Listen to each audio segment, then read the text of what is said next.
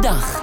Met Margje Fixen. Ja, en ondertussen is het nog altijd crisis in de jeugdzorg. Nou ja, ik sta nu op een wachtlijst van uh, negen maand. En ja, ik heb al meerdere malen gewacht op hulp. En eigenlijk wacht ik nu al vier jaar op echt goede hulp wat voor mij aanslaat. Ik heb uh, anorexia, uh, een depressie. Ik had laatst gebeld en toen zei ze dat ik 70ste stond op de wachtlijst. En ja, dat ik ervan uit moet gaan dat het nog wel een tijd duurde.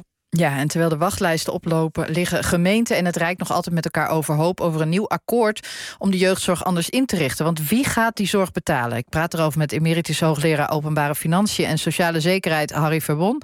En wethouder jeugd en welzijn Anna van Popering van de gemeente Gouda. Hartelijk welkom allebei. Ik ben ook benieuwd naar uw ervaringen. U kunt meepraten via NPO Radio 1 app. De moet ik daar dan voorzetten. De app. Mevrouw van Popering, ja, die onderhandelingen tussen Rijk, gemeente en zorg zorgaanbieders gaan dus heel moeizaam. Um, ja, de zogeheten hervormingsagenda jeugd, die had er dus vorig jaar al moeten zijn. Welke gevolgen heeft het nu concreet dat die er nog steeds niet ligt? Nou, wat je eigenlijk ziet is dat die afbakening van de jeugdhulp... dat die maar steeds niet plaatsvindt. Dat is eigenlijk wel een onderwerp wat in die hervormingsagenda zit. Nou, wat is dat nou, afbakening van de jeugdhulp? Dus eigenlijk de vraag, wat vinden we nu jeugdhulp? En waarvoor de gemeente echt hulp zou moeten bieden... en waarvan zeggen we, nou, dat kunnen mensen eigenlijk ook wel zelf oplossen. Ja, maar betekent het heel concreet dat mensen nu uh, niet geholpen worden... omdat er nog steeds uh, geen afspraken liggen? Nee, dat betekent het niet.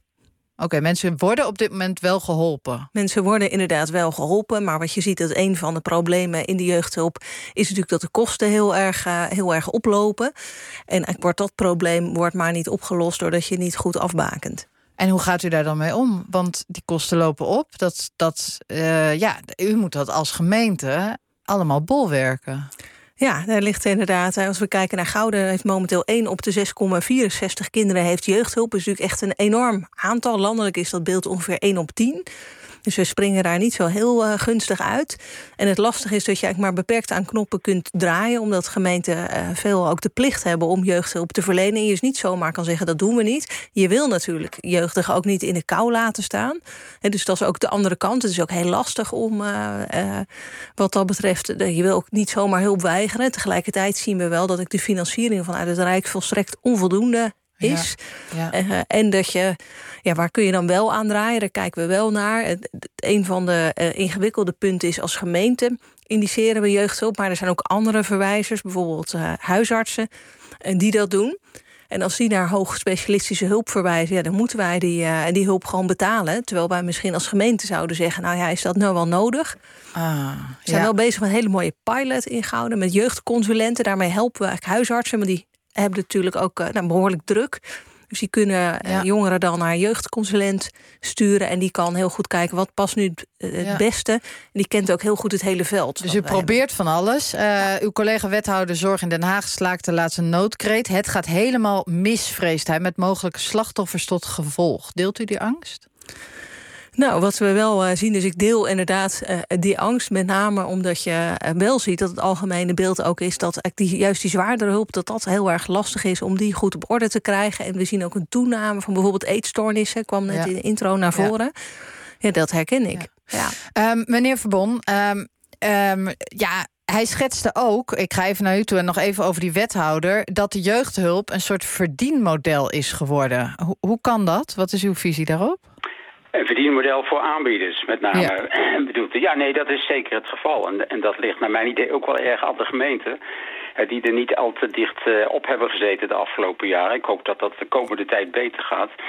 dus de, de, de eisen die aan zorgaanbieders werden gesteld via contracten waren eigenlijk zo erg vaag en ruim opgesteld. Dat uh, ja, eigenlijk uh, zo, ja, ze konden bij wijze van spreken, dat deden ze natuurlijk niet allemaal, maar ze konden bij wijze van spreken een beetje met de pet naar gooien. Dus de kwaliteit van de zorg kon te wensen overlaten, omdat de gemeente niet uh, de goede, strakke afspraken hadden gemaakt met de zorgaanbieders, zodat het duidelijk was wat ze moesten presteren. Ja, en dan kun je dus heel makkelijk geld verdienen in, in de jeugdzorg, is gebleken. Er zijn diverse ja. mensen, uh, diverse zorgaanbieders... die in korte tijd miljonair zijn geworden. Oeh.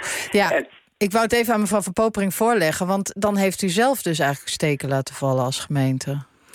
Nou, ik vind dat iets, uh, iets te makkelijk gezegd. Wat je wel ziet, en, uh, en die, die zorg deel ik wel, is het zorg inderdaad dat, je, nou, dat er niet zorgcowboys zijn die er met, uh, met publiek geld van doorgaan. Dus daar moeten we inderdaad scherp bovenop zitten. Daar zijn we, als ik kijk naar onze regio, zijn we daar al heel erg mee bezig om te kijken hoe kunnen we die, die kosten in de hand houden.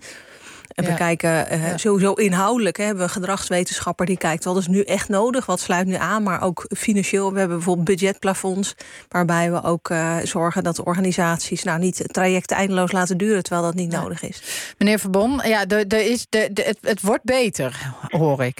Uh, ja, dat hoop ik. Ik bedoel, kijk, het is natuurlijk een heel moeilijk probleem om precies goede afspraken te maken met aanbieders. Het is natuurlijk een beetje een, een, een, subjectieve vorm van zorg, die jeugdzorg. De, de, Er zijn natuurlijk heel duidelijke problemen. Dus die ook net in de intro werden gezegd. Eh, kinderen met uh, anorexia, dat is heel duidelijk vast te stellen. Maar bijvoorbeeld, om maar iets te noemen, eh, het zogeheten dyslexieprobleem. Er zijn ontzettend veel kinderen die op dit moment last hebben van dyslexie. Dat is heel moeilijk vaststellen of dat inderdaad het geval is. Er zijn deskundigen die zeggen dat 9 van de 10 kinderen die dyslexie hebben... gewoon te weinig steun krijgen van hun ouders. Ik weet niet of dat waar is, maar er zal ongetwijfeld een stukje waarheid in zitten. En dat betekent dus eigenlijk dat ook de gemeente, wat dat betreft... Uh, niet selectief genoeg zijn bij te zeggen van... ja, jij hebt hulp nodig en jij hebt geen hulp nodig. Maar daar heb je ook heel veel kennis in huis. Ehm, loopt u er tegenaan, mevrouw Verpopering... dat je te weinig kennis hebt om echt te kunnen beoordelen... dat jij hebt echt hulp nodig en jij misschien toch gewoon niet? Of gewoon bijles? Nou, we liepen daar tegenaan en daarom hebben wij echt gedragswetenschappers in dienst genomen om dat beter te kunnen beoordelen. En wat je natuurlijk wel ziet is als school bijvoorbeeld dingen laat liggen. Dus stel je voor dat het onderwijs echt niet goed genoeg is omdat er een enorme klas is. Ja, dan kunnen er leerachterstanden ontstaan. En dan zou je misschien eerder ook bij een test uit kunnen komen op dyslexie. Terwijl misschien het probleem is dat de, dat de klas te groot is. Ja. Maar toch, u, u probeert van alles en nog steeds is het 1 op de 6 die zorg ontvangt. 1 op de 6,64. Ja, ja. Dus afgerond 1 op de 7. Maar goed, het is erg genoeg. Hè? Ja. ja. En, en meneer Verband, ik las ook ergens dat, dat u stelt... ja, het is dan heel makkelijk om de makkelijke gevallen hulp te bieden. En daar scoor je ook goed mee. Um, en die echte zware gevallen, die blijven dan op die wachtlijst staan. Ja, nou, ja dit is eigenlijk wat ik in het begin ook zei. Ik bedoel, de ja. zorgaanbieders uh, proberen de, de kersen eruit te halen, zou ik maar zeggen. Uh, de makkelijke gevallen, dus inderdaad, daar kunnen ze goed op scoren. De, bedoel, ook, ja. ook als ze welwillend zijn, hè, de, is er een neiging om dat te doen. Het is natuurlijk beter om gemakkelijke gevallen te behandelen dan hele moeilijke gevallen. En die moeilijke gevallen worden maar doorgeschoven. En dus als de gemeenten nou eens echt selectiever zouden kunnen worden... en ik hoop dat dat in Gouda gaat gebeuren...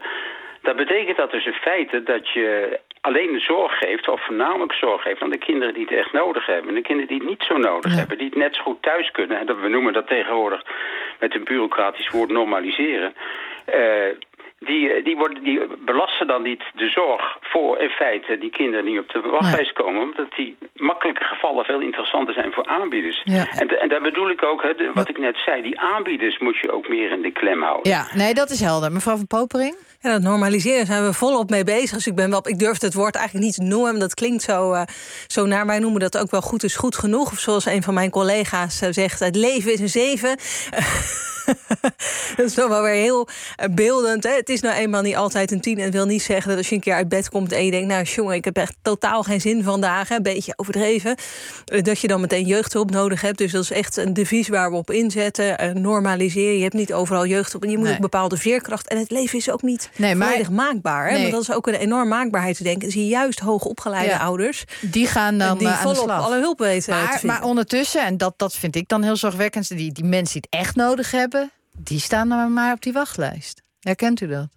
Nou, voor een deel uh, wel, ja. Dus wat wij willen doen, we zijn nu bezig met een nieuwe inkoop. En daar uh, zeggen we bijvoorbeeld, laten we nou uh, op zo'n manier inkopen... dat aanbieders ook gedwongen worden om samen te werken voor die zwaardere hulp.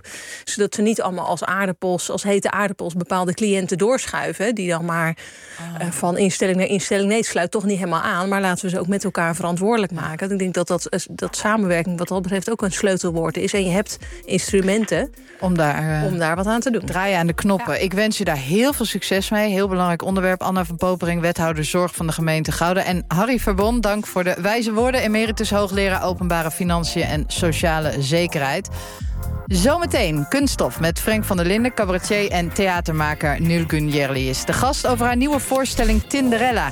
vanaf half negen zijn wij er weer met Langs de Lijn en Omstreken met nog meer cabaret. Het duo Noob schuift aan. Een hele fijne avond. Dag, dag.